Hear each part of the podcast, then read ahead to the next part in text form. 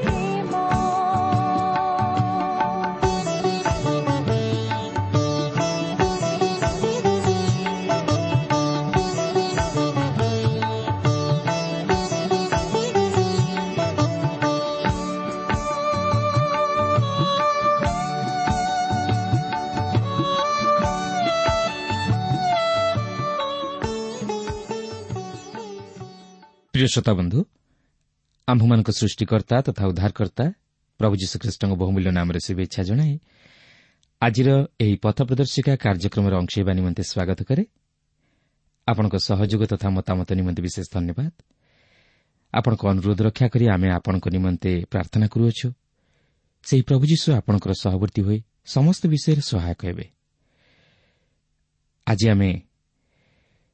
ପ୍ରଭୁଙ୍କର ବାକ୍ୟ ମଧ୍ୟରୁ ନୂତନ ନିୟମର ପ୍ରଥମ କରନ୍ଥୀୟ ପୁସ୍ତକଟିକୁ ଅଧ୍ୟୟନ କରିବା ନିମନ୍ତେ ଯିବା।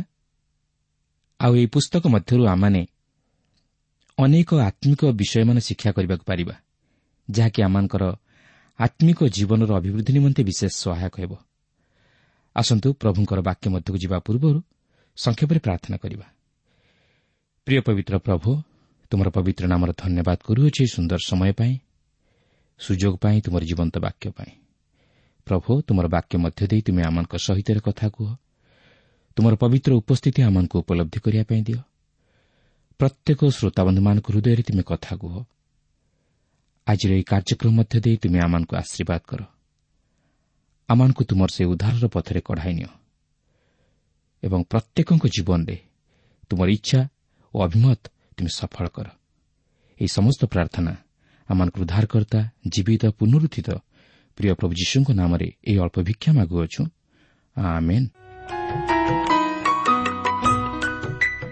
ଆଜି ଆମେ ନୂତନ ନିୟମର ପ୍ରଥମ କରନ୍ଥୀୟ ପୁସ୍ତକଟିକୁ ଅଧ୍ୟୟନ କରିବାକୁ ଯିବା। ଏହି ପୁସ୍ତକଟିକୁ ମଧ୍ୟ କରିନ୍ଥରେ ଥିବା ଖ୍ରୀଷ୍ଟୀୟ ମଣ୍ଡଳୀ ନିକଟକୁ ପ୍ରେରିତ ପାଉଲଙ୍କର ପ୍ରଥମ ପତ୍ର ବୋଲି କୁହାଯାଏ। ତେଣୁକରି ଏହାକୁ ପ୍ରଥମ କରିନ୍ଥୀୟ ବୋଲି ନାମକରଣ କରାଯାଇଅଛି ସେ ଏହି ପତ୍ରଟିକୁ ପ୍ରାୟ ପଞ୍ଚାବନରୁ ସତାବନ ଖ୍ରୀଷ୍ଟାବ୍ଦ ମଧ୍ୟରେ ବିଶେଷତଃ ସତାବନ ଖ୍ରୀଷ୍ଟାବ୍ଦରେ ଏଫିସରୁ ଲେଖିଥିଲେ। ପାଉଲଙ୍କ ସମୟରେ ରୋମ୍ ସାମ୍ରାଜ୍ୟ ମଧ୍ୟରେ ଏହି କରିନ୍ଥ ଏକ ପାପର କେନ୍ଦ୍ରସ୍ଥଳ ରୂପେ ପରିଚିତ ଥିଲା। ରୋମ୍ ସାମ୍ରାଜ୍ୟ ମଧ୍ୟରେ ଏହା ଏକ ପ୍ରଧାନ ବାଣିଜ୍ୟ କେନ୍ଦ୍ର ଥିଲା। ଏହାର ତିନୋଟି ସାମୁଦ୍ରିକ ବନ୍ଦରକୁ ନେଇ ତହିଁ ମଧ୍ୟରୁ ଦୁଇଟି ଅତି ଗୁରୁତ୍ୱପୂର୍ଣ୍ଣ ବନ୍ଦର ଥିଲା। ପାଉଲଙ୍କ ସମୟରେ ପ୍ରାୟ ଚାରିଶହ ହଜାର ଅଧିବାସୀ କରିନ୍ଥରେ ବସବାସ କରୁଥିଲେ ଏବଂ ସମଗ୍ର ପୃଥିବୀର ବାଣିଜ୍ୟ କାରବାର କରିନ୍ଥର ସେହି ଦୁଇଟି ମୁଖ୍ୟ ବନ୍ଦର ମଧ୍ୟ ଦେଇ କ୍ରମାଗତ ଚାଲୁ ରହିଥିଲା। ଏହି ସହରରେ ମୁଖ୍ୟତଃ ଗ୍ରୀକ୍ ଜିହୁଦୀ ଇଟାଲୀୟ ଓ ମିଶ୍ରିତ ଜାତିର ଲୋକମାନେ ବସବାସ କରୁଥିଲେ। ବଣିକ ନାବିକ ରେଫ୍ୟୁଜି ପ୍ରଭୃତି ରୋମ୍ ସାମ୍ରାଜ୍ୟର ପ୍ରତି କୋଣରୁ ଆସି ଏହି ସହରର ରାସ୍ତାଘାଟ ପରିପୂର୍ଣ୍ଣ କରୁଥିଲେ ଗ୍ରୀକ୍ ମହାଦେବୀ ଭେନସ୍ ନିମନ୍ତେ ଏକ ଚମତ୍କାର ମନ୍ଦିର ମଧ୍ୟ ଏହି ସ୍ଥାନରେ ନିର୍ମିତ ହୋଇଥିଲା। ଏହାରି ମଧ୍ୟରେ ହଜାର ବେଶ୍ୟାମାନେ ଥିଲେ ଯେଉଁମାନେ କି ସେହି ମନ୍ଦିରର ସେବା କାର୍ଯ୍ୟରେ ନିଜ ନିଜକୁ ନିୟୋଜିତ କରିଥିଲେ। ଆଉ ଯୌନଗତ ଅଭ୍ୟାସ ସେଠାକାର ଧର୍ମ ଥିଲା। ଗ୍ରୀକ୍ ଦାର୍ଶନିକ ଚିନ୍ତାଧାରା ମଧ୍ୟ ଏହାର ବିନାଶର ପଥରେ ସହାୟକ ଥିଲା। ଏହି ସହର ସମସ୍ତ ପ୍ରକାର ଭୋଗବିଳାସ କଳୁଷିତ କାର୍ଯ୍ୟରେ ପରିପୂର୍ଣ୍ଣ ଥିଲା। ଏହିପରି ଏକ ସମୟରେ ପ୍ରେରିତ ପାଉଲ କରିନ୍ଥକୁ ଆସିଲେ ଓ ପରେ ସେ କହନ୍ତି କାରଣ ଯୀଶୁଖ୍ରୀଷ୍ଟ ଅର୍ଥାତ୍ କୃଷରେ ହତ ଯୀଶୁଖ୍ରୀଷ୍ଟଙ୍କ ବିନା ତୁମମାନଙ୍କ ମଧ୍ୟରେ ଆଉ କୌଣସି ବିଷୟ ନ ଜାଣିବାକୁ ମୁଁ ମନସ୍ଥ କଲି। ଏହି ଲୋକମାନେ ଥିଲେ ଯେଉଁମାନେ କି ଭୋଗବିଳାସରେ ମଦ୍ୟପାନରେ ଓ ନାନା ପ୍ରକାର ଯୌନଗତ ପାପରେ ଲିପ୍ତ ଥିଲେ। ସେମାନେ ପାପର ସୀମା ଅତିକ୍ରମ କରିଯାଇଥିଲେ। ଏହି ସମସ୍ତ ବିରୁଦ୍ଧରେ ପାଉଲ କରିନ୍ଥରେ ସୁଷମାଚାର ପ୍ରଚାର କରିଥିଲେ। ସେ ସେଠାରେ ଏକ ମଣ୍ଡଳୀ ସ୍ଥାପନ କଲେ ଓ ପରେ ସେ ସେମାନଙ୍କ ନିକଟକୁ ଦୁଇଟି ପତ୍ର ଲେଖିଥିଲେ। ପାଉଲ ତାହାଙ୍କର ଦ୍ୱିତୀୟ ପ୍ରଚାର ଯାତ୍ରା ସମୟରେ କରିନ୍ଥକୁ ଆସିଥିଲେ ଓ ତାହାଙ୍କର ତୃତୀୟ ପ୍ରଚାର ଯାତ୍ରାରେ ସେ ସେହି କରିନ୍ଥକୁ ଶେଷଥର ପାଇଁ ଆସିଥିଲେ। ପ୍ରେରିତ ଅଠର ପର୍ବର ପ୍ରଥମରୁ ଅଠର ପଦ ମଧ୍ୟରେ ଲକ୍ଷ୍ୟ କଲେ ଆପଣ ଜାଣିପାରିବେ ଯେ ପାଉଲ ଅଠର ମାସ କରିନ୍ଥରେ ସମୟ କ୍ଷେପଣ କରିଥିଲେ। ସେ ସେହି କରିନ୍ଥରେ ଆକ୍ୱିଲା ଓ ପ୍ରିସ୍କିଲାଙ୍କୁ ମଧ୍ୟ ସାକ୍ଷାତ କରିଥିଲେ। କାରଣ ସେମାନେ ରୋମିଓ ସମ୍ରାଟ କ୍ଲାଉଦିଓଙ୍କ ଦ୍ୱାରା ରୋମ୍ରୁ ବିତାଡ଼ିତ ହୋଇଥିଲେ ଯେହେତୁ ଜିହୁଦୀମାନେ ସେମାନଙ୍କ ଖ୍ରୀଷ୍ଟ ବିଶ୍ୱାସୀ ଭାଇମାନଙ୍କ ସହିତ ଗଣ୍ଡଗୋଳ କରିବାରୁ ଓ ତାଡ଼ନା କରିବାରୁ କ୍ଲାଉଦିଓ ସେମାନଙ୍କୁ ରୋମ୍ରୁ ବାହାରି ଯିବା ନିମନ୍ତେ ଆଦେଶ ଦେଇଥିଲେ। ଆଉ ପାଉଲ ଯେତେବେଳେ ପ୍ରଥମେ କରିନ୍ତକୁ ଆସିଲେ ସେ ପ୍ରଥମେ ସମାଜ ଗୃହରେ ପ୍ରଚାର କଲେ ଯାହାଫଳରେ ଗଣ୍ଡଗୋଳ ଉପୁଜିଲା। ସାଧାରଣତଃ ପାଉଲ ଯେଉଁ ଯେଉଁ ସ୍ଥାନକୁ ଯାଉଥିଲେ ସେହିସବୁ ସ୍ଥାନମାନଙ୍କରେ ଗଣ୍ଡଗୋଳ ବିପ୍ଳବ ଓ ଆତ୍ମିକ ଜାଗରଣ ମଧ୍ୟ ଘଟୁଥିଲା ଆଉ କରିନ୍ତ ମଧ୍ୟ ତହିଁରୁ ବଞ୍ଚିତ ହୋଇନଥିଲା। ପାଉଲ ତାହାଙ୍କର ତୃତୀୟ ପ୍ରଚାର ଯାତ୍ରାରେ ସେ ଦୀର୍ଘ ଦିନ ଧରି ଏଫିସରେ କଟାଇଥିଲେ। ସେ ସେହି ଏଫିସରେ ମିଶନେରୀ ଭାବରେ କେତେକ ସ୍ୱତନ୍ତ୍ର କାର୍ଯ୍ୟମାନ ସାଧନ କରିଥିଲେ। ଆଉ ସମ୍ଭବତଃ ସେହି ଅଞ୍ଚଳ ଅନ୍ୟାନ୍ୟ ଅଞ୍ଚଳ ଅପେକ୍ଷା ଅଧିକ ମାତ୍ରାରେ ପ୍ରଚାରିତ ହୋଇଥିଲା। କିନ୍ତୁ ସେ ଯାହା ହେଉନା କାହିଁକି ଏହି କାରଣରୁ କରିନ୍ଥୀୟମାନେ ବିଶେଷ ଭାବେ ଅସ୍ଥିର ହେଉଥିଲେ। ସେମାନେ ପାଉଲଙ୍କୁ ସେମାନଙ୍କ ନିକଟକୁ ଆସିବା ନିମନ୍ତେ ଅନୁରୋଧ କରୁଥିଲେ କାରଣ ସେମାନେ ଆଧ୍ୟାତ୍ମିକ ଜୀବନରେ ଶିଶୁ ପରି ଥିଲେ ବିଶେଷରେ ପାଉଲ ସେମାନଙ୍କ ନିକଟକୁ ଏକ ପତ୍ର ଲେଖିଲେ ସେହି ମଣ୍ଡଳୀରେ ପ୍ରବେଶ କରିଥିବା କେତେକ ତ୍ରୁଟିକୁ ସୁଧାରିବା ନିମନ୍ତେ। ସେମାନେ ତହିଁର ପ୍ରତ୍ୟୁତ୍ତରରେ ରାଜନୈତିକ ଧାର୍ମିକ ପାରିବାରିକ ସମସ୍ୟା ନେଇ ଓ ବିଜାତୀୟ ଧର୍ମ ତଥା ନୈତିକ ସମସ୍ୟା ନେଇ ଉଠୁଥିବା କେତେକ ପ୍ରଶ୍ନର ଉତ୍ତର ପାଇବା ନିମନ୍ତେ ପାଉଲଙ୍କ ନିକଟକୁ ପତ୍ର ଲେଖିଥିଲେ। ପାଉଲ ସେମାନଙ୍କୁ ମଧ୍ୟ ତହିଁର ଉତ୍ତର ପ୍ରଦାନ କରିଥିଲେ ଓ ଯେଉଁ ସମସ୍ତ ବିବରଣୀ ତାହାଙ୍କ ନିକଟକୁ ଆସିଥିଲା ତହିଁ ଉପରେ ଅଧିକ ଗୁରୁତ୍ୱ ଦେଇ ତହିଁର ପ୍ରତ୍ୟୁତ୍ତର ଦେଲେ। ପାଉଲ ସେମାନଙ୍କ ନିକଟକୁ ଯେଉଁ ପ୍ରଥମ ପତ୍ରଟି ଲେଖିଥିଲେ ତାହା ଆମ୍ଭମାନଙ୍କ ନିକଟରେ ନାହିଁ। କିନ୍ତୁ ଯେଉଁ ପତ୍ରଟି ତାହାଙ୍କ ନିକଟକୁ ଆସିଥିବା ବିବରଣୀକୁ ନେଇ ଉଲ୍ଲେଖ ହୋଇଥିଲା ସେହି ପତ୍ରଟିକୁ ଆଜି ଆମେ ପ୍ରଥମ କରିନ୍ଥୀୟ ପତ୍ର ଭାବେ ଜାଣୁ। ସେହି ପତ୍ରଟିକୁ ବର୍ତ୍ତମାନ ଆମମାନେ ଅଧ୍ୟୟନ କରିବାକୁ ଯାଉଅଛୁ। ଏହାପରେ ପାଉଲ ଆଉ ଏକ ପତ୍ର ଲେଖିଥିଲେ ଯାହାକି ଆଜି ଆମେ ଦ୍ୱିତୀୟ କରିନ୍ଥୀୟ ପତ୍ର ଭାବେ ଜାଣୁ। ଏହି ପ୍ରଥମ କରିନ୍ଥୀୟର ମୁଖ୍ୟ ବିଷୟବସ୍ତୁ ହେଉଛି ଖ୍ରୀଷ୍ଟଙ୍କର ଆଧିପତ୍ୟ ଓ ଯୀଶୁଙ୍କର ପ୍ରଭୃତ୍ୱ। ତାହା ଲକ୍ଷ୍ୟ କରିବା ଆମମାନଙ୍କ ନିମନ୍ତେ ବିଶେଷ ଗୁରୁତ୍ୱପୂର୍ଣ୍ଣ। କାରଣ ତାହା ହିଁ ସମସ୍ୟାଗୁଡ଼ିକର ସମାଧାନର କାରଣ। ଆପଣ ଏଠାରେ ଦେଖିବାକୁ ପାରିବେ ଯେ ପ୍ରଭୁ ଯୀଶୁଖ୍ରୀଷ୍ଟ ହେଉଛନ୍ତି ସମସ୍ତ ନୈତିକ ସାମାଜିକ ଓ ମାଣ୍ଡଳିକ ସମସ୍ୟାର ସମାଧାନକାରୀ। ଏହି ପତ୍ର ମଧ୍ୟରେ ଆମେ ପୁନରୁତ୍ଥାନର ପ୍ରକୃତ ସତ୍ୟତା ଓ ବାସ୍ତବତା ଉପସ୍ଥାପିତ କରାଯାଇଥିବାର ଲକ୍ଷ୍ୟ କରିବାକୁ ପାରିବା ଯାହାକି ଅତି ଚମତ୍କାର ବିଷୟ। ଆଉ ବିଶେଷତଃ ଏହି ପତ୍ରଟିକୁ ତିନୋଟି ମୁଖ୍ୟ ବିଭାଗରେ ଆମେ ବିଭକ୍ତ କରିପାରିବା। ପ୍ରଥମତଃ ଶୁଭେଚ୍ଛା ଓ ଧନ୍ୟବାଦ ଜ୍ଞାପନ ଯାହାକି ପ୍ରଥମ ପର୍ବର ପ୍ରଥମରୁ ନଅ ପଦ ମଧ୍ୟରେ ଆମେ ଦେଖିବାକୁ ପାରିବା। ଦ୍ୱିତୀୟତଃ କରିନ୍ଥୀୟ ମଣ୍ଡଳୀର ଅବସ୍ଥା ଯାହାକି ପ୍ରଥମ ପର୍ବର ଦଶ ପଦରୁ ଆରମ୍ଭ କରି ଏଗାର ପର୍ବର ଚଉତିରିଶ ପଦ ପର୍ଯ୍ୟନ୍ତ। ତୃତୀୟତଃ ଆତ୍ମିକ ଦାନ ଯାହାକି ବାର ପର୍ବରୁ ଷୋହଳ ପର୍ବ ମଧ୍ୟରେ। କିନ୍ତୁ ମଣ୍ଡଳୀର ଅବସ୍ଥା ଜାଣିବାଠାରୁ ମଣ୍ଡଳୀର ଆତ୍ମିକ ବିଷୟ ଓ ଦାନ ସବୁ ଜାଣିବା ଅଧିକ ଗୁରୁତ୍ୱପୂର୍ଣ୍ଣ। କିନ୍ତୁ ଆମେ ଜାଣି ରଖିବା ଉଚିତ ଯେ ଦୀର୍ଘ ଉଣେଇଶଶହ ବର୍ଷ ପୂର୍ବେ କରିନ୍ଥୀୟ ମଣ୍ଡଳୀ ସମସ୍ୟା ଘେରରେ ରହିଥିଲା। ସେମାନେ ମଣ୍ଡଳୀର ମୁଖ୍ୟ ବିଷୟକୁ ଉପେକ୍ଷା କରି ଖ୍ରୀଷ୍ଟଙ୍କଠାରୁ ଦୂରବର୍ତ୍ତୀ ଜୀବନଯାପନ କଲେ। ଆଉ ଫଳତଃ ସେମାନେ ସମସ୍ୟାର ସମ୍ମୁଖୀନ ହେଲେ। ଆଜି ମଧ୍ୟ ଆମମାନଙ୍କ ସମୟର ଖ୍ରୀଷ୍ଟୀୟ ମଣ୍ଡଳୀଗୁଡ଼ିକ ସମସ୍ୟା ଘେର ମଧ୍ୟରେ ରହିଅଛନ୍ତି। କାରଣ ବର୍ତ୍ତମାନର ଖ୍ରୀଷ୍ଟୀୟ ମଣ୍ଡଳୀ କୃଷାର୍ପିତ ପ୍ରଭୁ ଯୀଶୁଖ୍ରୀଷ୍ଟଙ୍କୁ ଗୌରବ ନ ଦେଇ ନିଜ ନିଜର ଗୌରବ ଅନ୍ୱେଷଣ କରୁଅଛନ୍ତି। ଖ୍ରୀଷ୍ଟଙ୍କୁ ଉଚ୍ଚୀକୃତ କରିବା ପରିବର୍ତ୍ତେ ନିଜକୁ ଉଚ୍ଚୀକୃତ କରିବାକୁ ଚାହୁଁଛନ୍ତି। ମଣ୍ଡଳୀ ମଧ୍ୟରେ ପଦପଦବୀ ପାଇଁ ଖ୍ରୀଷ୍ଟଙ୍କୁ ପଦଦଳିତ କରୁଅଛନ୍ତି। ତାହା ହିଁ ସେଦିନ କରିନ୍ଥୀୟ ମଣ୍ଡଳୀରେ ଦେଖାଯାଇଥିଲା ଓ ଆଜି ମଧ୍ୟ ତାହା ବର୍ତ୍ତମାନର ଖ୍ରୀଷ୍ଟୀୟ ମଣ୍ଡଳୀ ମଧ୍ୟରେ ପରିଲକ୍ଷିତ ହୁଏ। ମଣ୍ଡଳୀର ଆତ୍ମିକ ବିଷୟ ପ୍ରତି ଦୃଷ୍ଟି ନ ଦେଇ ବାହ୍ୟ ବିଷୟ ପ୍ରତି ଅଧିକ ଦୃଷ୍ଟି ଦେବା ଦ୍ୱାରା ମଣ୍ଡଳୀର ଆତ୍ମିକତା କ୍ଷୁର୍ଣ୍ଣ ହୋଇଥାଏ ତେଣୁ ମଣ୍ଡଳୀ ସମସ୍ୟାର ସମ୍ମୁଖୀନ ହୋଇଥାଏ। ଏହି ପତ୍ରଟିକୁ ଅଧ୍ୟୟନ କରିବା ଆମ୍ଭମାନଙ୍କ ନିମନ୍ତେ ସାର୍ଥକ ହେଉ ଓ ଆମ୍ଭମାନଙ୍କୁ ଏକ ବାସ୍ତବ ଖ୍ରୀଷ୍ଟୀୟ ମଣ୍ଡଳୀ ଗଢ଼ି ତୋଳିବାରେ ସହାୟକ ହେଉ। ଏହି ପ୍ରଥମ କରିନ୍ଥୀୟ ପ୍ରଥମ ପର୍ବର ମୁଖ୍ୟ ଆଲୋଚନାର ବିଷୟ ହେଉଛି କୃଷାର୍ପିତ ଖ୍ରୀଷ୍ଟଙ୍କ ବିଶେଷତ୍ୱ ଓ ମଣ୍ଡଳୀ ବିଭାଜନର ସଂଶୋଧନ କିନ୍ତୁ ପ୍ରଥମେ ଆମେ ଏହି ପ୍ରଥମ କରିନ୍ଥୀୟ ପ୍ରଥମ ପର୍ବର ପ୍ରଥମ ନଅ ପଦ ମଧ୍ୟରେ ଶୁଭେଚ୍ଛା ଜ୍ଞାପନ ଓ ଧନ୍ୟବାଦ ଅର୍ପଣ ସମ୍ପର୍କରେ କିଛି ଆଲୋଚନା କରିବାକୁ ଯିବା। ଦେଖନ୍ତୁ ପ୍ରଥମ ପର୍ବର ପ୍ରଥମ ପଦରେ ଏହିପରି ଲେଖା ଅଛି। ପାଉଲ ଈଶ୍ୱରଙ୍କ ଇଚ୍ଛାରେ ଖ୍ରୀଷ୍ଟ ଯୀଶୁଙ୍କ ଆହୁତ ଜଣେ ପ୍ରେରିତ ଓ ଭ୍ରାତା ସ୍ୱସ୍ତିନା ଏଥିରୁ ଜଣାଯାଏ ପ୍ରେରିତ ପାଉଲ ପ୍ରେରିତ ଥିଲେ? ସେ ନିଜ ଇଚ୍ଛାରେ ନୁହେଁ ମାତ୍ର ଈଶ୍ୱରଙ୍କ ଇଚ୍ଛାରେ ଖ୍ରୀଷ୍ଟ ଯୀଶୁଙ୍କ ଆହୁତ ଜଣେ ପ୍ରେରିତ।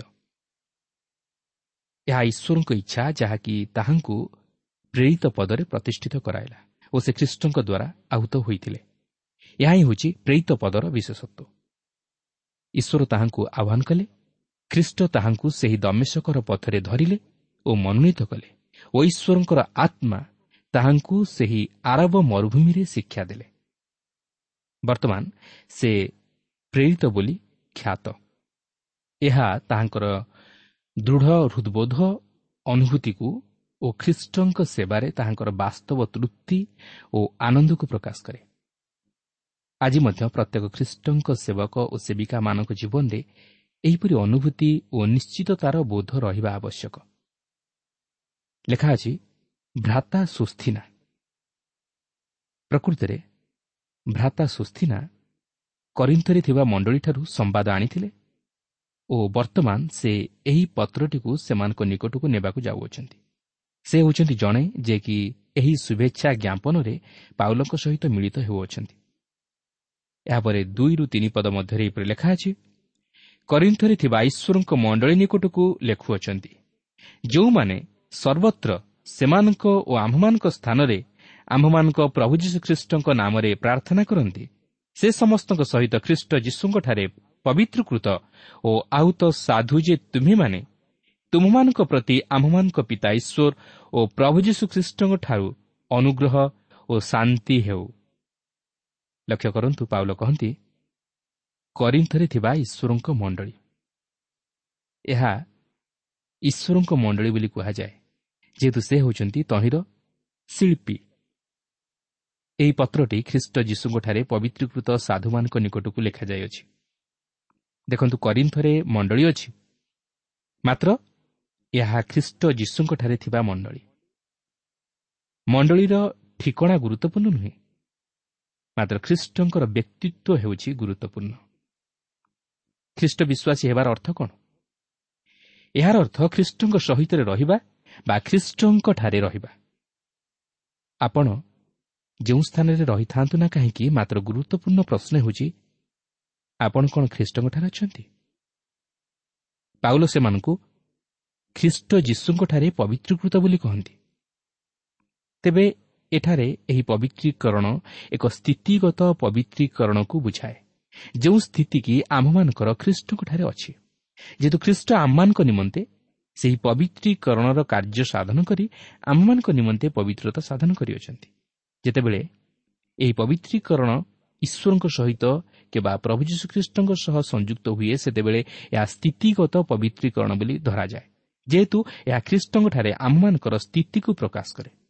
କିନ୍ତୁ ଯେତେବେଳେ ଏହି ପବିତ୍ରୀକରଣ ପବିତ୍ର ଆତ୍ମାଙ୍କ ସହିତ ସଂଯୁକ୍ତ ହୁଏ ସେତେବେଳେ ଏହା ବ୍ୟବହାରିକ ପବିତ୍ରୀକରଣକୁ ବୁଝାଏ। ଆମେ ଏହି ପ୍ରଥମ ପର୍ବର ତିରିଶ ପଦରେ ଶିକ୍ଷା କରିବାକୁ ପାରିବା ଯେ ଖ୍ରୀଷ୍ଟ ଆମମାନଙ୍କ ନିମନ୍ତେ ଜ୍ଞାନ ଧାର୍ମିକତା ଓ ମୁକ୍ତି ସହିତ ପବିତ୍ରତା ସ୍ୱରୂପ ହୋଇଅଛନ୍ତି। ସେ ହେଉଛନ୍ତି ଆମମାନଙ୍କର ପବିତ୍ରତା। ଯଦି ଆପଣ ଖ୍ରୀଷ୍ଟଙ୍କଠାରେ ବିଶ୍ୱାସ କରିଅଛନ୍ତି ତାହେଲେ ସେ ଆପଣଙ୍କ ନିମନ୍ତେ ସେହି ପବିତ୍ରତା ସ୍ୱରୂପ ହୋଇଅଛନ୍ତି ଓ ଆପଣଙ୍କ ନିମନ୍ତେ ସେହି ପବିତ୍ରତା ସାଧନ କରିଅଛନ୍ତି ଯେହେତୁ ଆପଣ ଖ୍ରୀଷ୍ଟଙ୍କଠାରେ ଉଦ୍ଧାରପ୍ରାପ୍ତ ହୋଇଅଛନ୍ତି। କିନ୍ତୁ ଆପଣ ତହିଁରେ କିଛି ବିଷୟ ଯୋଗ କରିପାରିବେ ନାହିଁ। ଆହୁରି ମଧ୍ୟ ଏକ ବ୍ୟବହାରିକ ପବିତ୍ରୀକରଣ ରହିଅଛି ଯାହାକି ଏକ ଭିନ୍ନତା ପ୍ରକାଶ କରେ। ଏହି କରିନ୍ଥୀୟମାନେ ପବିତ୍ରୀକୃତ ସାଧୁମାନଙ୍କ ପରି ଜଣାଯାଆନ୍ତି ନାହିଁ। ପବିତ୍ର ଆତ୍ମାଙ୍କର କାର୍ଯ୍ୟ ସେମାନଙ୍କ ଜୀବନରେ ସ୍ପଷ୍ଟ ଜଣାପଡ଼େ ନାହିଁ। ମାତ୍ର ସେମାନେ ସ୍ଥିତିଗତ ଭାବେ ପ୍ରଭୁ ଯୀଶୁ ଖ୍ରୀଷ୍ଟଙ୍କଠାରେ ପବିତ୍ରୀକୃତ ଥିଲେ। କାରଣ ସେମାନେ ପ୍ରଭୁ ଯୀଶୁଖ୍ରୀଷ୍ଟଙ୍କଠାରେ ବିଶ୍ୱାସ କରି ଖ୍ରୀଷ୍ଟ ବିଶ୍ୱାସୀ ରୂପେ ପରିଚିତ ଥିଲେ। ସେମାନେ ମଧ୍ୟ ଆହୁତ ସାଧୁ ଥିଲେ ଅର୍ଥାତ୍ ଖ୍ରୀଷ୍ଟ ଯୀଶୁଙ୍କଠାରେ ଆହୁତ ସାଧୁ ଥିଲେ। ପାଉଲ ଯେପରି ଜଣେ ଆହ୍ୱାନପ୍ରାପ୍ତ ପ୍ରେରିତ ଥିଲେ ସେମାନେ ମଧ୍ୟ ସେହିପରି ଆହ୍ୱାନପ୍ରାପ୍ତ ସାଧୁ ଥିଲେ।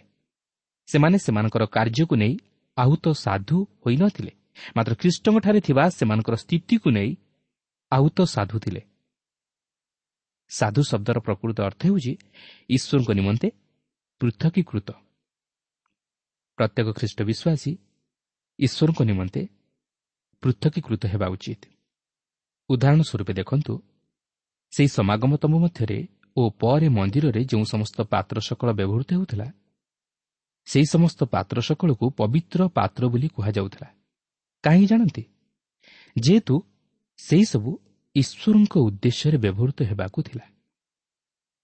ତାହେଲେ କେଉଁ ବିଷୟକୁ ଭିତ୍ତି କରି ଜଣେ ଈଶ୍ୱରଙ୍କ ସନ୍ତାନକୁ ସାଧୁ ବା ପବିତ୍ର ବୋଲି କୁହାଯାଏ?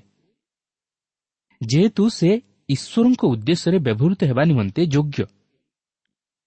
ଏହି ସ୍ଥିତି ପ୍ରତ୍ୟେକ ଖ୍ରୀଷ୍ଟ ବିଶ୍ୱାସୀର ଖ୍ରୀଷ୍ଟଙ୍କଠାରେ ଅଛି। ଆହୁରି ଲେଖା ଅଛି ଯେଉଁମାନେ ସର୍ବତ୍ର ସେମାନଙ୍କ ଓ ଆମ୍ଭମାନଙ୍କ ସ୍ଥାନରେ ଆମ୍ଭମାନଙ୍କ ପ୍ରଭୁ ଯୀଶୁଖ୍ରୀଷ୍ଟଙ୍କ ନାମରେ ପ୍ରାର୍ଥନା କରନ୍ତି। ଏହାର ଅର୍ଥ ଏହି ପତ୍ରରେ ନିହିତ ଥିବା ଶିକ୍ଷା କେବଳ ସେହି ମଣ୍ଡଳୀ ନିମନ୍ତେ ସୀମାବଦ୍ଧ ନୁହେଁ ମାତ୍ର ଅଧିକାଂଶ ଖ୍ରୀଷ୍ଟୀୟ ମଣ୍ଡଳୀ ନିମନ୍ତେ ମଧ୍ୟ ପ୍ରଯୁଜ୍ୟ ଯେଉଁ ମଣ୍ଡଳୀ କି ଖ୍ରୀଷ୍ଟ ବିଶ୍ୱାସୀମାନଙ୍କୁ ନେଇ ଗଠିତ। ଏଥିସହିତ ପାଉଲ ଏହି ପତ୍ରର ଆରମ୍ଭରେ ଅନୁଗ୍ରହ ଓ ଶାନ୍ତି ଦୁଇଟି ଶବ୍ଦ ବ୍ୟବହାର କରନ୍ତି। ଗ୍ରୀକ୍ ଲୋକମାନଙ୍କ ନିମନ୍ତେ ଏହି ଅନୁଗ୍ରହ ଶବ୍ଦଟି ଶୁଭେଚ୍ଛା ସୂଚକ ଶବ୍ଦ। ସେହିପରି ଶାନ୍ତି ଯାହାକୁ ଏବ୍ରି ଭାଷାରେ ସାଲୋମ୍ କହନ୍ତି ତାହା ଧାର୍ମିକ ଶ୍ରେଣୀର ଲୋକମାନଙ୍କ ନିମନ୍ତେ ଏକ ଶୁଭେଚ୍ଛା ସୂଚକ ଶବ୍ଦ। ତେଣୁ ପାଉଲ ଏହି ଦୁଇଟି ଶବ୍ଦକୁ ତାହାଙ୍କର ଏହି ପତ୍ରରେ ବ୍ୟବହାର କରି ସେହି କରିନ୍ଥୀୟ ମଣ୍ଡଳୀର ଖ୍ରୀଷ୍ଟ ବିଶ୍ୱାସୀମାନଙ୍କୁ ଏକ ଉଚ୍ଚତର ସୋପାନରେ ନେଇ ଉପସ୍ଥାପିତ କରାନ୍ତି। ଆପଣ ଓ ମୁଁ ଆମ୍ଭେମାନେ ଈଶ୍ୱରଙ୍କ ଅନୁଗ୍ରହ ଦ୍ୱାରା ଉଦ୍ଧାର ପାଇପାରିବା। ଏହା ହିଁ ହେଉଛି ଈଶ୍ୱରଙ୍କର ବାସ୍ତବ ପ୍ରେମ। ଯେତେବେଳେ ଆମେ ଈଶ୍ୱରଙ୍କର ଅନୁଗ୍ରହ ଦ୍ୱାରା ଉଦ୍ଧାର ପ୍ରାପ୍ତ ହେଉ ସେତେବେଳେ ଆମେ ନିଜର ହୃଦୟରେ ଈଶ୍ୱରଙ୍କର ଶାନ୍ତିକୁ ଉପଲବ୍ଧି କରିପାରୁ। ପ୍ରିୟ ବନ୍ଧୁ ଆପଣ କ'ଣ ପ୍ରଭୁ ଯୀଶୁଖ୍ରୀଷ୍ଟଙ୍କୁ ନିଜର ବ୍ୟକ୍ତିଗତ ଉଦ୍ଧାରକର୍ତ୍ତା ରୂପେ ଗ୍ରହଣ କରିପାରିଛନ୍ତି? ଆପଣ କ'ଣ ଖ୍ରୀଷ୍ଟଙ୍କଠାରେ ନିଜର ପାପ ସବୁ ସ୍ୱୀକାର କରିଅଛନ୍ତି? ଯଦି ଆପଣ ତାହା କରିଥାନ୍ତେ ତାହେଲେ ଆପଣ ନିଜ ହୃଦୟରେ ଶାନ୍ତି ପାଇବେ। ଯେହେତୁ ସେହି ପ୍ରଭୁ ଯୀଶୁଖ୍ରୀଷ୍ଟ ଆପଣଙ୍କର ପାପ ସବୁ ବହନ କରିଅଛନ୍ତି। ସେଥିପାଇଁ ରୋମିଓ ପାଞ୍ଚ ପର୍ବର ପ୍ରଥମ ପଦରେ ଲେଖା ଅଛି ଅତଏବ ବିଶ୍ୱାସ ଦ୍ୱାରା ଧାର୍ମିକ ଗଣିତ ହେବାରୁ ଆମ୍ଭେମାନେ ଆମ୍ଭମାନଙ୍କ ପ୍ରଭୁ ଯୀଶୁଖ୍ରୀଷ୍ଟଙ୍କ ଦ୍ୱାରା ଈଶ୍ୱରଙ୍କ ସହିତ ଶାନ୍ତିରେ ଅଛୁ।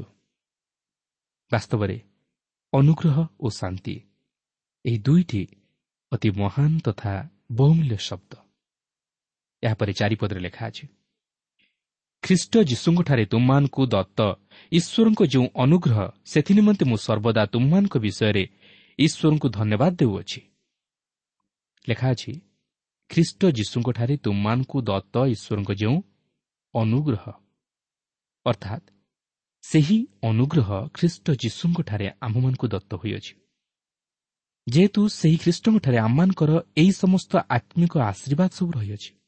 ସେଥିପାଇଁ ଏଫିସିଓ ପ୍ରଥମ ପର୍ବର ତିନି ପଦରେ ଲେଖା ଅଛି ଆମ୍ଭମାନଙ୍କ ପ୍ରଭୁ ଯୀଶୁଖ୍ରୀଷ୍ଟଙ୍କ ଈଶ୍ୱର ଓ ପିତା ଧନ୍ୟ ହୁଅନ୍ତୁ। ସେ ଖ୍ରୀଷ୍ଟଙ୍କଠାରେ ଆମମାନଙ୍କୁ ସମସ୍ତ ଆତ୍ମିକ ଆଶୀର୍ବାଦ ଦ୍ୱାରା ସ୍ୱର୍ଗରେ ଆଶୀର୍ବାଦ କରିଅଛନ୍ତି। ଏହା ହିଁ ହେଉଛି ଆଶୀର୍ବାଦର ସ୍ଥାନ। ଖ୍ରୀଷ୍ଟଙ୍କୁ ପାଇବାର ଅର୍ଥ ଏହି ସମସ୍ତ ଆତ୍ମିକ ଆଶୀର୍ବାଦ ସବୁର ଅଧିକାରୀ ହେବା। ଯଦି ସେହି ପ୍ରଭୁ ଯୀଶୁଖ୍ରୀଷ୍ଟ ଆମମାନଙ୍କର ହୃଦୟରେ ସ୍ଥାନ ପାଇଅଛନ୍ତି ତାହେଲେ ଆମ୍ଭେମାନେ ସେହି ଅନୁଗ୍ରହ ଶାନ୍ତି ଓ ଆନନ୍ଦର ଅଧିକାରୀ।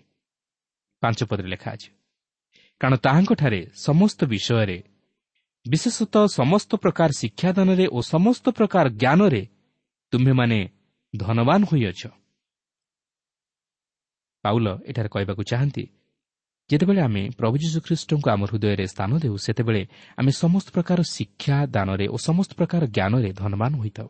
ଅର୍ଥାତ୍ ଈଶ୍ୱରଙ୍କ ବାକ୍ୟ ଆମମାନଙ୍କ ହୃଦୟରେ ସ୍ଥାନ ପାଇଥାଏ ଓ ଯେତେବେଳେ ଆମେ ସେହି ବାକ୍ୟର ବାଧ୍ୟ ହୋଇ ପ୍ରଭୁ ଯୀଶୁଖ୍ରୀଷ୍ଟଙ୍କଠାରେ ବିଶ୍ୱାସ ସ୍ଥାପନ କରିଥାଉ ସେତେବେଳେ ଆମେ ସେହି ବାକ୍ୟ ଦ୍ୱାରା ଶିକ୍ଷିତ ହୋଇଥାଉ ଓ ଜ୍ଞାନ ଲାଭ କରିଥାଉ ଯାହାକି ଜଗତର ଜ୍ଞାନ ଓ ଶିକ୍ଷା ଅପେକ୍ଷା ଯଥେଷ୍ଟ ଉଚ୍ଚତର। ଆଜି ଅନେକ ଲୋକ ଏହି ଜ୍ଞାନ ଓ ଶିକ୍ଷାରେ ପରିଚାଳିତ ହେବା ନିମନ୍ତେ ଅନେକ କିଛି ଉପାୟ ଅବଲମ୍ବନ କରନ୍ତି। ମାତ୍ର ଖ୍ରୀଷ୍ଟଙ୍କ ବିନା ତାହା ପାଇବା ଅସମ୍ଭବ। ଖ୍ରୀଷ୍ଟଙ୍କୁ ପାଇବା ଅର୍ଥ ଜ୍ଞାନ ପାଇବା ଓ ଶିକ୍ଷିତ ହେବା। ଯେତେବେଳେ ସେ ଆପଣଙ୍କର ହୃଦୟର ପ୍ରଭୁ ହୁଅନ୍ତି ସେତେବେଳେ ଆପଣଙ୍କର ସମସ୍ତ ସମସ୍ୟା ସମାଧାନ ହୋଇଯିବ। ଆପଣ ବାସ୍ତବ ଜ୍ଞାନ ଓ ଶିକ୍ଷା ପାଇପାରିବେ କାରଣ ତାହାଙ୍କର ବାକ୍ୟ ହିଁ ଆପଣଙ୍କ ଜୀବନରେ ଫଳପ୍ରଦ ହୋଇପାରିବ। ତାହା ହିଁ ପ୍ରେରିତ ପାଉଲ କଲସ୍ୟ ତିନି ପର୍ବର ଷୋହଳ ପଦରେ ପ୍ରକାଶ କରନ୍ତି। ଦେଖନ୍ତୁ ସେଠାରେ ଲେଖା ଅଛି ଖ୍ରୀଷ୍ଟଙ୍କ ବାକ୍ୟ ପ୍ରଚୁର ଭାବେ ତୁମମାନଙ୍କଠାରେ ବାସ କରୁ। ତୁମ୍ଭେମାନେ ପରସ୍ପରକୁ ସମ୍ପୂର୍ଣ୍ଣ ଜ୍ଞାନ ସହ ଶିକ୍ଷା ଓ ଚେତନା ଦିଅ। ପୁଣି ଈଶ୍ୱରଙ୍କ ଉଦ୍ଦେଶ୍ୟରେ ଗୀତ ସ୍ତୋତ୍ର ଓ ଆଧ୍ୟାତ୍ମିକ ସଂକୀର୍ତ୍ତନ ଦ୍ୱାରା କୃତଜ୍ଞ ହୃଦୟରେ ଗାନ କର। ଏହାପରେ ଏହି ପ୍ରଥମ ପର୍ବର ଛଅରୁ ସାତ ପଦ ମଧ୍ୟରେ ଏହିପରି ଲେଖା ଅଛି ଏହି ପ୍ରକାରେ ଖ୍ରୀଷ୍ଟଙ୍କର ସାକ୍ଷ୍ୟ ତୁମମାନଙ୍କ ମଧ୍ୟରେ ସ୍ଥିରୀକୃତ ହୋଇଅଛି। ଏଣୁ ତୁମେମାନେ ଆମ୍ଭମାନଙ୍କ ପ୍ରଭୁ ଯୀଶୁଖ୍ରୀଷ୍ଟଙ୍କର ପ୍ରକାଶ ନିମନ୍ତେ ଅପେକ୍ଷାରେ ଥାଇ କୌଣସି ଅନୁଗ୍ରହ ଦାନରେ ଉଣା ପଡ଼ୁନାହଁ ଏଠାରେ ପ୍ରେରିତ ପାଉଲ ସେହି ମଣ୍ଡଳୀର ଏକ ସମସ୍ୟାର ସମାଧାନ କରିବାକୁ ଯାଇ ଅନୁଗ୍ରହ ଦାନ ଯେ ଅନେକ ତାହା ପ୍ରକାଶ କରନ୍ତି। କାରଣ ସେ ଚାହାନ୍ତି ଯେପରି ସେହି ସମସ୍ତ ଦାନଗୁଡ଼ିକ ମଣ୍ଡଳୀ ମଧ୍ୟରେ ପ୍ରକାଶିତ ହୁଏ। ଯେହେତୁ ସେମାନେ କେବଳ ଗୋଟିଏ ଦାନରେ ସୀମିତ ହୋଇ ରହିଯାଇଥିଲେ। କିନ୍ତୁ ପାଉଲ ସେମାନଙ୍କୁ ଆରମ୍ଭରୁ କହି ରଖନ୍ତି ଯେ ସେମାନେ ଯେପରି କୌଣସି ଦାନରେ ପଛରେ ପଡ଼ି ନ ଯାଆନ୍ତି। ଆଠ ପଦରେ ଲେଖା ଅଛି ଆମମାନଙ୍କ ପ୍ରଭୁ ଯୀଶୁଖ୍ରୀଷ୍ଟଙ୍କ ଦିବସରେ ଯେପରି ତୁମେମାନେ ଅନିନ୍ଦନୀୟ ହୁଅ ଏଥିପାଇଁ ସେ ତୁମମାନଙ୍କୁ ଶେଷ ପର୍ଯ୍ୟନ୍ତ ମଧ୍ୟ ସ୍ଥିର ରଖିବେ। ପାଉଲ ଏଠାରେ କହନ୍ତି ଯେପରି ତୁମେମାନେ ଅନିନ୍ଦନୀୟ ହୁଅ। ସେ କହନ୍ତି ନାହିଁ ଯେପରି ତୁମେମାନେ ଭ୍ରାନ୍ତି ଶୂନ୍ୟ ହୁଅ। କାରଣ ଆପଣ ପଛରେ ସଦାସର୍ବଦା କେହି ହେଲେ ଆପଣଙ୍କର ଦୋଷ ଧରିବା ପାଇଁ ଲାଗି ରହିଥିବ। ମାତ୍ର ଆପଣ ନିନ୍ଦିତ ହେବେ ନାହିଁ। ଲେଖା ଅଛି ଆମ୍ଭମାନଙ୍କ ପ୍ରଭୁ ଯୀଶୁ ଖ୍ରୀଷ୍ଟଙ୍କ ଦିବସରେ ଯେପରି ତୁମେମାନେ ଅନିନ୍ଦନୀୟ ହୁଅ। ଏହି ଯେଉଁ ବିଷୟଟି ଲେଖା ଅଛି ଆମ୍ଭମାନଙ୍କ ପ୍ରଭୁ ଯୀଶୁ ଖ୍ରୀଷ୍ଟଙ୍କ ଦିବସରେ ବୋଲି ଏହା କେବଳ ବର୍ତ୍ତମାନର ସମୟକୁ ପ୍ରକାଶ କରେ ନାହିଁ। ମାତ୍ର ଏହା ସେହି ସମୟ ପ୍ରତି ମଧ୍ୟ ଅଙ୍ଗୁଳି ନିର୍ଦ୍ଦେଶ କରେ ଯେଉଁ ସମୟରେ ପ୍ରଭୁ ଯୀଶୁଖ୍ରୀଷ୍ଟ ଏହି ଜଗତକୁ ପୁନର୍ବାର ଆଗମନ କରି ତାହାଙ୍କର ମଣ୍ଡଳୀକୁ ଏହି ଜଗତ ମଧ୍ୟରୁ ଗ୍ରହଣ କରି ନେଇଯିବେ ପାଉଲ ମଧ୍ୟ ଏହି ବିଷୟ ନେଇ ଏହି ପତ୍ରରେ ପ୍ରକାଶ କରିବେ ବର୍ତ୍ତମାନ ଆମେ ପାଉଲଙ୍କର ଧନ୍ୟବାଦ ଓ ଶୁଭେଚ୍ଛା ଜ୍ଞାପନର ଶେଷାଂଶରେ ଆସି ପହଞ୍ଚିଅଛୁ ଯାହାକି ନଅ ପଦ ଯଦିଓ ଏହି ପଦଟି ସେତେ ଗୁରୁତ୍ୱପୂର୍ଣ୍ଣ ବୋଲି ମନେ ହୁଏ ନାହିଁ ମାତ୍ର ଏହି ପଦଟି ଏହି ପତ୍ରର ସମ୍ଭବତଃ ଏକ ଚାବିକାଠି। କରିନ୍ଥୀୟ ମଣ୍ଡଳୀ ମଧ୍ୟରେ ଥିବା ସମସ୍ୟା ଓ ସେମାନଙ୍କର ବ୍ୟକ୍ତିଗତ ସମସ୍ୟାର ସମାଧାନ ନିମନ୍ତେ ପ୍ରଭୁ ଯୀଶୁଖ୍ରୀଷ୍ଟ ଯେ କେବଳ ମାତ୍ର ସମାଧାନକାରୀ ତାହା ଏହି ପଦଟି ଗୁରୁତ୍ୱାରୋପ କରେ। ଯେଉଁ ସମସ୍ୟା କି ବର୍ତ୍ତମାନର ଖ୍ରୀଷ୍ଟ ବିଶ୍ୱାସୀ ମଣ୍ଡଳୀ ମଧ୍ୟରେ ପରିଲକ୍ଷିତ ହୁଏ ଓ ତହିଁର ସମାଧାନ ମଧ୍ୟ ଆଜି ଯେ ପ୍ରକାର ସେଦିନ ମଧ୍ୟ ସେ ପ୍ରକାର ଥିଲା। ନ ପଦରେ ଲେଖା ଅଛି। ଈଶ୍ୱର ବିଶ୍ୱାସ୍ୟ ଯାହାଙ୍କ ଦ୍ୱାରା ତୁମେମାନେ ତାହାଙ୍କ ପୁତ୍ର ଯୀଶୁଖ୍ରୀଷ୍ଟ ଆମ୍ଭମାନଙ୍କ ପ୍ରଭୁଙ୍କର ସହଭାଗିତା ନିମନ୍ତେ ଆହୁତ ହୋଇଅଛ। ଆପଣ ଦେଖନ୍ତୁ ଏହି ବିଭାଗ ମଧ୍ୟରେ ଅର୍ଥାତ୍ ଏହି ପ୍ରଥମ ପର୍ବର ପ୍ରଥମ ପଦରୁ ନଅ ପଦ ମଧ୍ୟରେ ପ୍ରଭୁ ଯୀଶୁଖ୍ରୀଷ୍ଟଙ୍କ ନାମ ପ୍ରାୟ ପ୍ରତି ପଦରେ ଉଲ୍ଲେଖ ହୋଇଅଛି। ଓ ଏହା ହେଉଛି ନବମ ଥର। ଏଥିରୁ ସ୍ପଷ୍ଟ ହୁଏ ଯେ ପାଉଲ ପ୍ରଭୁ ଯୀଶୁଖ୍ରୀଷ୍ଟଙ୍କ ଉପରେ ବିଶେଷ ଗୁରୁତ୍ୱାରୋପ ପ୍ରଦାନ କରନ୍ତି। ଏଠାରେ ଆମେ ପ୍ରଭୁ ଯୀଶୁଖ୍ରୀଷ୍ଟଙ୍କର ଚାରୋଟି ନାମକରଣର ପରିଚୟ ପାଉ। ସେ ଈଶ୍ୱରଙ୍କ ପୁତ୍ର ସେ ଯୀଶୁ ସେ ଖ୍ରୀଷ୍ଟ ଓ ସେ ହିଁ ପ୍ରଭୁ। ପାଉଲ ଏଠାରେ ଦୁଇଟି ଚମତ୍କାର ଉକ୍ତି ପ୍ରଦାନ କରନ୍ତି। ସେ କହନ୍ତି ଈଶ୍ୱର ବିଶ୍ୱାସ୍ୟ ଓ ଦ୍ୱିତୀୟରେ ଆମ୍ଭେମାନେ ତାହାଙ୍କ ପୁତ୍ର ଯୀଶୁଖ୍ରୀଷ୍ଟଙ୍କ ସହଭାଗିତା ନିମନ୍ତେ ଆହୁତ ହୋଇଅଛୁ। ବାସ୍ତବରେ ମନୁଷ୍ୟ ଅବିଶ୍ୱସ୍ତ ହୋଇପାରେ। ମାତ୍ର ଈଶ୍ୱର ବିଶ୍ୱସ୍ତ। ଓ ସେ ଆମମାନଙ୍କୁ ଖ୍ରୀଷ୍ଟଙ୍କଠାରେ ଆହ୍ୱାନ କରିଅଛନ୍ତି। ଏହା ଏକ ମହାନ ଆହ୍ୱାନ। ନିଜର କ୍ରିୟାକର୍ମ ହେତୁ ନୁହେଁ ମାତ୍ର ଈଶ୍ୱରଙ୍କ ଅନୁଗ୍ରହ ଦ୍ୱାରା ଆଉ ତାହା କେବଳ ସହଭାଗିତା ନିମନ୍ତେ। ଈଶ୍ୱର ଆଜି ଆମମାନଙ୍କ ସହିତ ସହଭାଗିତା ସ୍ଥାପନ କରିବାକୁ ଚାହାନ୍ତି। ଆଉ ତାହା କେବଳ ଖ୍ରୀଷ୍ଟଙ୍କ ମଧ୍ୟ ଦେଇ ତେଣୁ ଆସୁ ସେହି ଖ୍ରୀଷ୍ଟଙ୍କଠାରେ ବିଶ୍ୱାସ କରି ଈଶ୍ୱରଙ୍କ ସହିତ ସହଭାଗିତା ସ୍ଥାପନ କରିବା ପାଇଁ ଚେଷ୍ଟା କରୁ। ପ୍ରଭୁ ଆମ ପ୍ରତ୍ୟେକଙ୍କୁ ଆଶୀର୍ବାଦ କରନ୍ତୁ।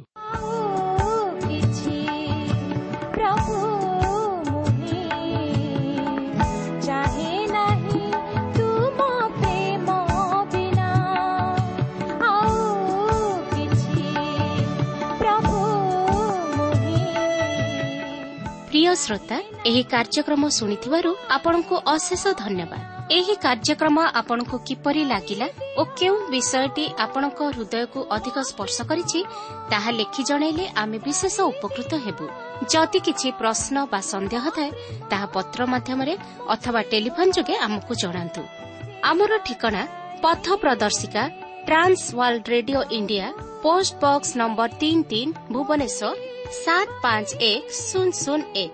Mobile number nine seven double seven double two one four one five ଠିକଣାଟି ଆଉଥରେ ଶୁଣନ୍ତୁ।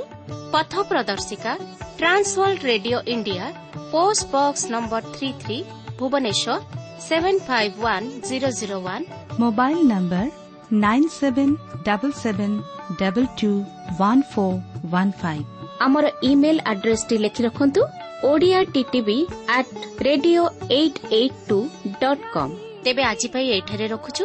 ନମସ୍କାର।